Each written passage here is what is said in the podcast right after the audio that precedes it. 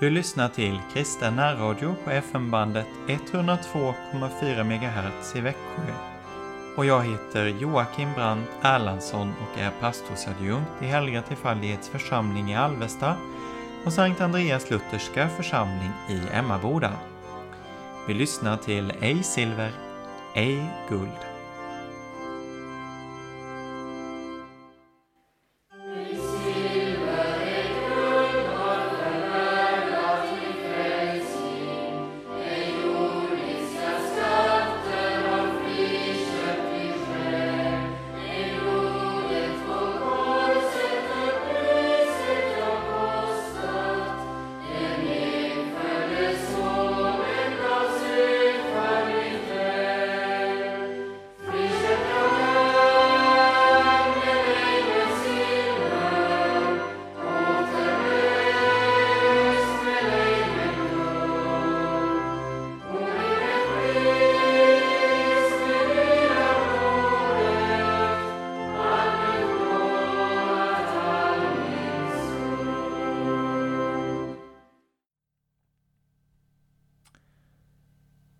Inleder denna morgon med att läsa några verser ur en sång.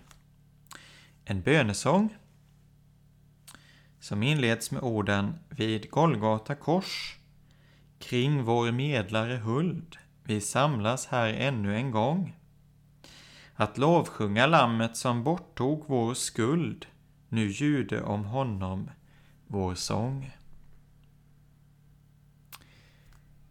Kan vi samlas vid Golgata kors som vi sjöng här? Ja, det kan vi göra. När vi samlas kring ordet om Jesus, då är vi samlade kring Golgata kors och kring vår medlare. Det finns bara en medlare mellan Gud och människor och det är Kristus Jesus en människa, som det står i första Timoteus brevet. Han gav sig själv till lösen för alla människor. Och Gud vill att alla människor ska bli frälsta och komma till insikt om sanningen.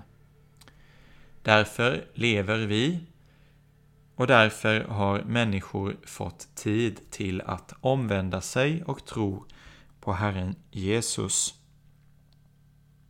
Och varför samlas vi då? Jo, vi samlas för att lovsjunga Lammet som tog bort vår skuld. Nu ljude om honom vår sång. Ja, det är en verklig bön att den sång vi sjunger får vara sången om Lammet som tog bort vår skuld inför Gud. Det är den sången som vi hör om i Uppenbarelseboken, den sången som är i himmelen. Och gott är det också att sjunga på denna sång redan nu. Och den här sången avslutas med versen Men följ oss, o Jesus, med trofasthet här och sköt oss att alltid vi står i tron och din fruktan, ja, blir du oss när, till dess vi ur striden får gå. Vår bön för dessa stunder kring Guds ord vid Golgata kors. Dessa morgnar som vi samlas är att Jesus ska följa oss med sin trofasthet. Att hans trofasthet ska följa oss detta fasta i hans trofasthet och att han ska sköta oss så att vi alltid kan stå i tron och hans fruktan. Bevara mitt hjärta vid detta enda att jag fruktar ditt namn, står det i Saltaren. Ja, blir du oss när till dess vi ur striden får gå. Bli kvar hos oss, Jesus, fram tills striden är slut och vi får lämna denna värld. Följ oss, o Jesus. Vilken god bön att inleda denna morgon med. Att vi får samlas kring Golgata kors och be att Jesus följer oss.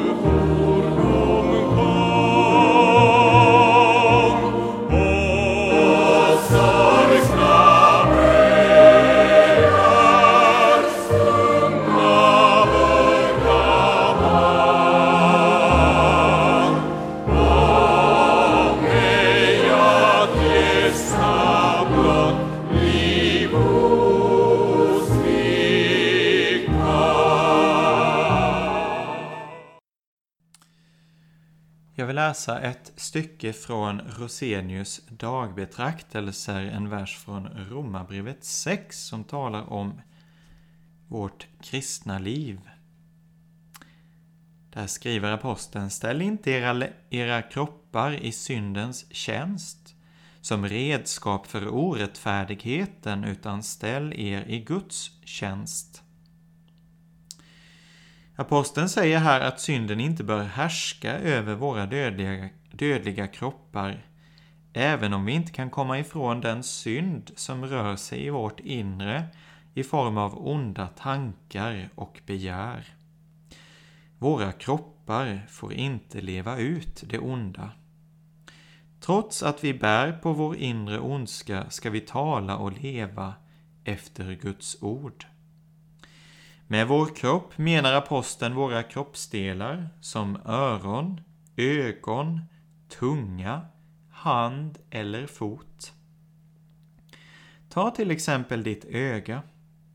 Du kan bli förblindad av jordens lockande skatter eller av förförisk kroppslig skönhet eller av världens lyx och prakt. Dessa föremål vill dra dig till synden. Då gäller det att fly från det upptända begäret, att inte låta ögat syssla med dessa frestelser. Annars lämnar du ut ditt öga åt synden som redskap för orättfärdigheten. Du kan också frestas genom samtal du hör om att lura och baktala din nästa. Stannar du och lyssnar så lånar du ditt öra åt synden som redskap för orättfärdigheten. Du frestas att såra någon och vara spydig, eller att av hemlig ilska och avundsjuka tala illa om din nästa. Du vill helst tyda hans ord till det värsta om du ger din tunga frihet att tala som den vill, så ger du den åt synden som redskap för orättfärdigheten. Ställ dig istället till Guds förfogande med både kropp och själ och med alla dina yttre och inre krafter. Till honom ska du ge hjärtats fruktan, förtröstan och kärlek. Du ska lyda och tjäna honom i allt vad du gör och lider och överlämna dig själv åt Gud med all din förmåga. Åt honom ska du ägna hela ditt liv. Dra dig inte undan det arbete, det kors och det lidande som han lägger på dig. Ditt liv ska inte vara så kärt att du inte kan offra det för honom. Tänk vilken nåd att han vill ha oss som sina medarbetare och tänk att få offra sig för honom. Han säger fortfarande till den stackars syndaren, min son, ge mig ditt hjärta. När vi gett oss själva åt Gud med alla våra resurser måste vi också använda våra kroppar i rättfärdighetens tjänst. Det är rätt och riktigt att tillbe Gud i våra hjärtan och avhålla våra kroppar från syndens tjänst. Men det är ingen sann gudstyrkan om du kan fortsätta att vara passiv och inte gör något i Herrens tjänst. Aposteln påpekar här att du ska tjäna Gud även med din kropp. Ge honom din kropp som ett redskap eller vapen för rättfärdigheten. Det räcker inte att hålla kroppen borta från det onda utan den ska också användas till att tjäna Herren. Som vapen, säger aposteln. Det innebär att vår kung för ett krig på jorden där våra kroppar ska tjänstgöra som vapen för rättfärdigheten. Vår kung ska skaffa rätt och rättfärdighet på jorden, Jeremia 33.15. Till detta får vi bidra. I hans rike härskar det som är sant, gott och heligt, och det får vi medverka till. Ställ inte era kroppar i syndens tjänst som redskap för orättfärdigheten, utan ställ er i Guds tjänst. Amen.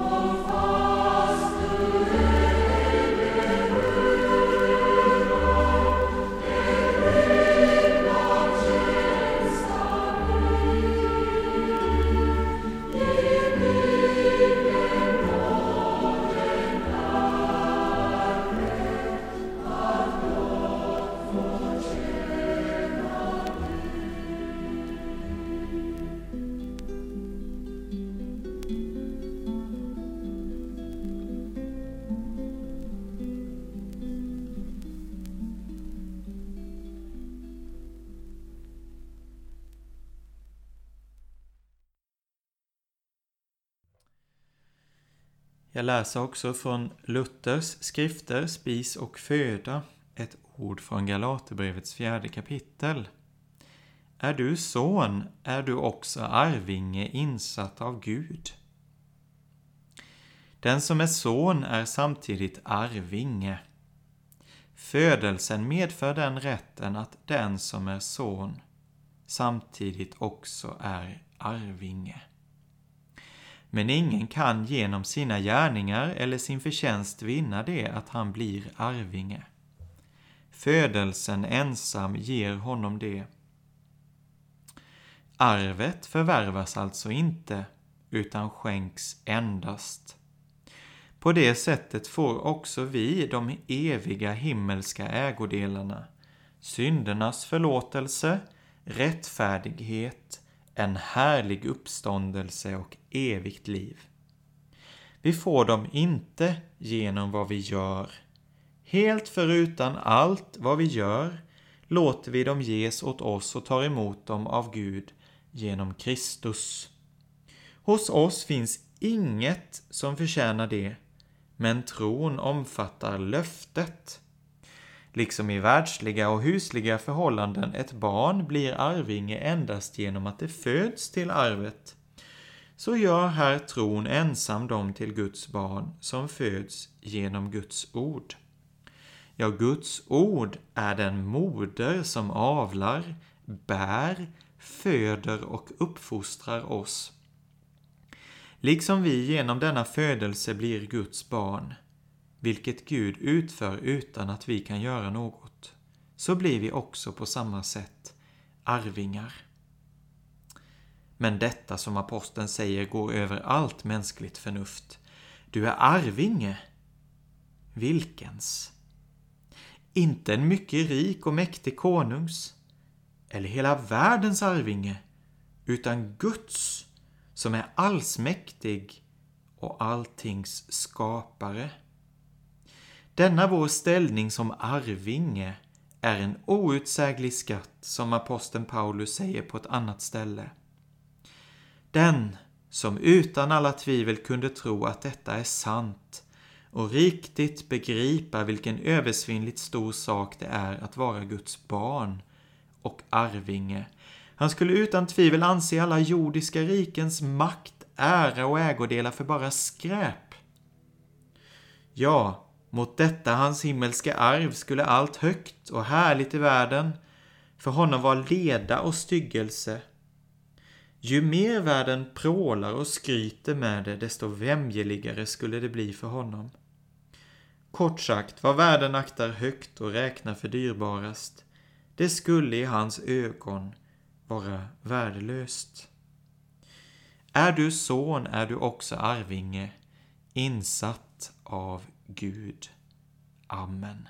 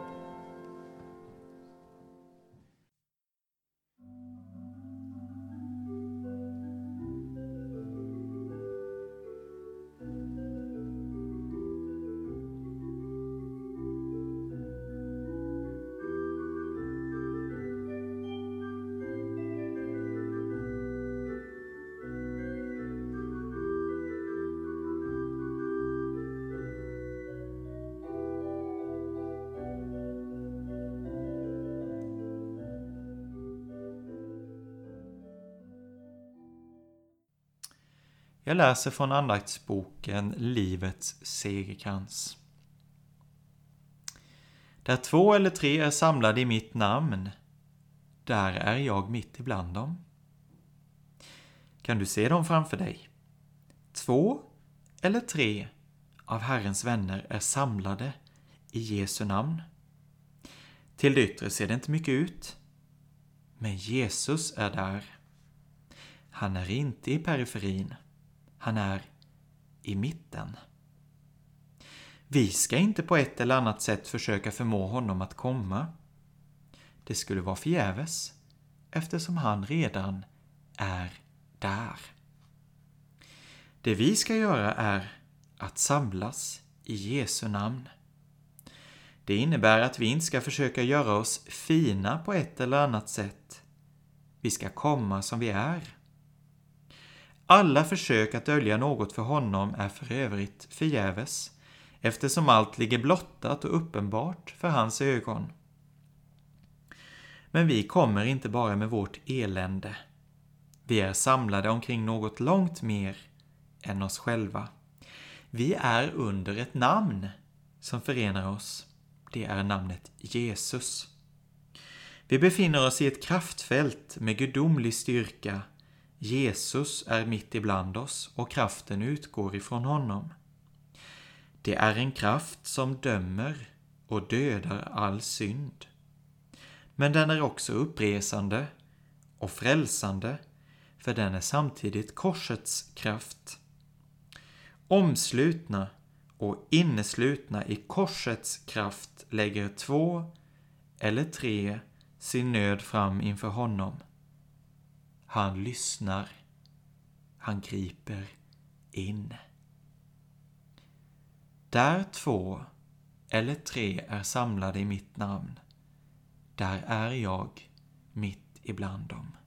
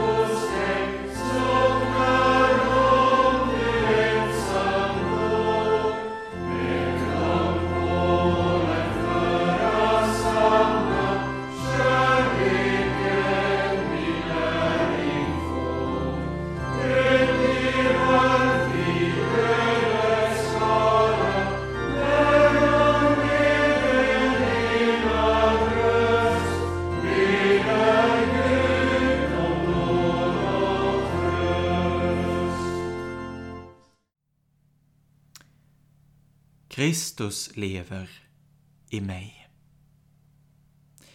Ja, bara Jesus gjorde det. Men jag tycker att mitt andliga liv är så svagt. Det borde vara helt annorlunda med min bön, min bibelläsning och mitt vittnesbörd. Hjärtat känns ljumt och likgiltigt och Jesus tycks vara så långt borta. Så kan du tänka. Trots detta ska du öppna dig för vad ordet säger om dig. Du vet en utväg i din nöd, nämligen att ta din tillflykt till Jesus. Ordet säger att han bor i dig genom tron. Tron är att låta Jesus vara räddningsplankan som håller dig uppe när all egen kraft är uttömd. Då flyttar han själv in och bor i ditt hjärta. Det är verkligen, verkligen ingen särskilt tilltalande plats att bo på. Ditt hjärta är nämligen både nerböjt och förkrossat. Men så ser inte Jesus på det. Han är helt annorlunda än vi. Det är i det nerböjda och förkrossade som han vill bo. Din lycka är att du en dag gav upp med att försöka rena ditt eget hjärta.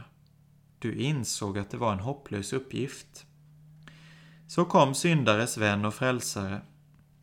Han frågade om han fick flytta in i ditt hjärta som det var. Det gav du honom lov till. Nu är han där med all sin nåd. Allra innerst i dig är Jesus. Än en gång säger han till dig, jag älskar dig. Jag har utgivit mig själv för dig. Du är min. Kristus lever i mig. Amen. Fader vår som är i himmelen. Helgat var det ditt namn. Tillkommer ditt rike. Ske din vilja så som i himmelen så och på jorden. Vårt dagliga bröd ge oss idag och förlåt oss våra skulder så som och vi förlåter dem oss skyldiga är. Och inled oss inte i frestelse utan fräls oss ifrån ondo. Ty riket är ditt och makten och härligheten i evighet. Amen. Herren välsigne dig och bevara dig. Herren låter sitt ansikte lysa över dig och vare dig nådig. Herren vände sitt ansikte till dig och give dig frid. I Faderns och Sonens och den helige Andes namn. Amen. Ja, Guds frid i vår uppståndne Herre och Frälsare Jesus Kristus. Amen.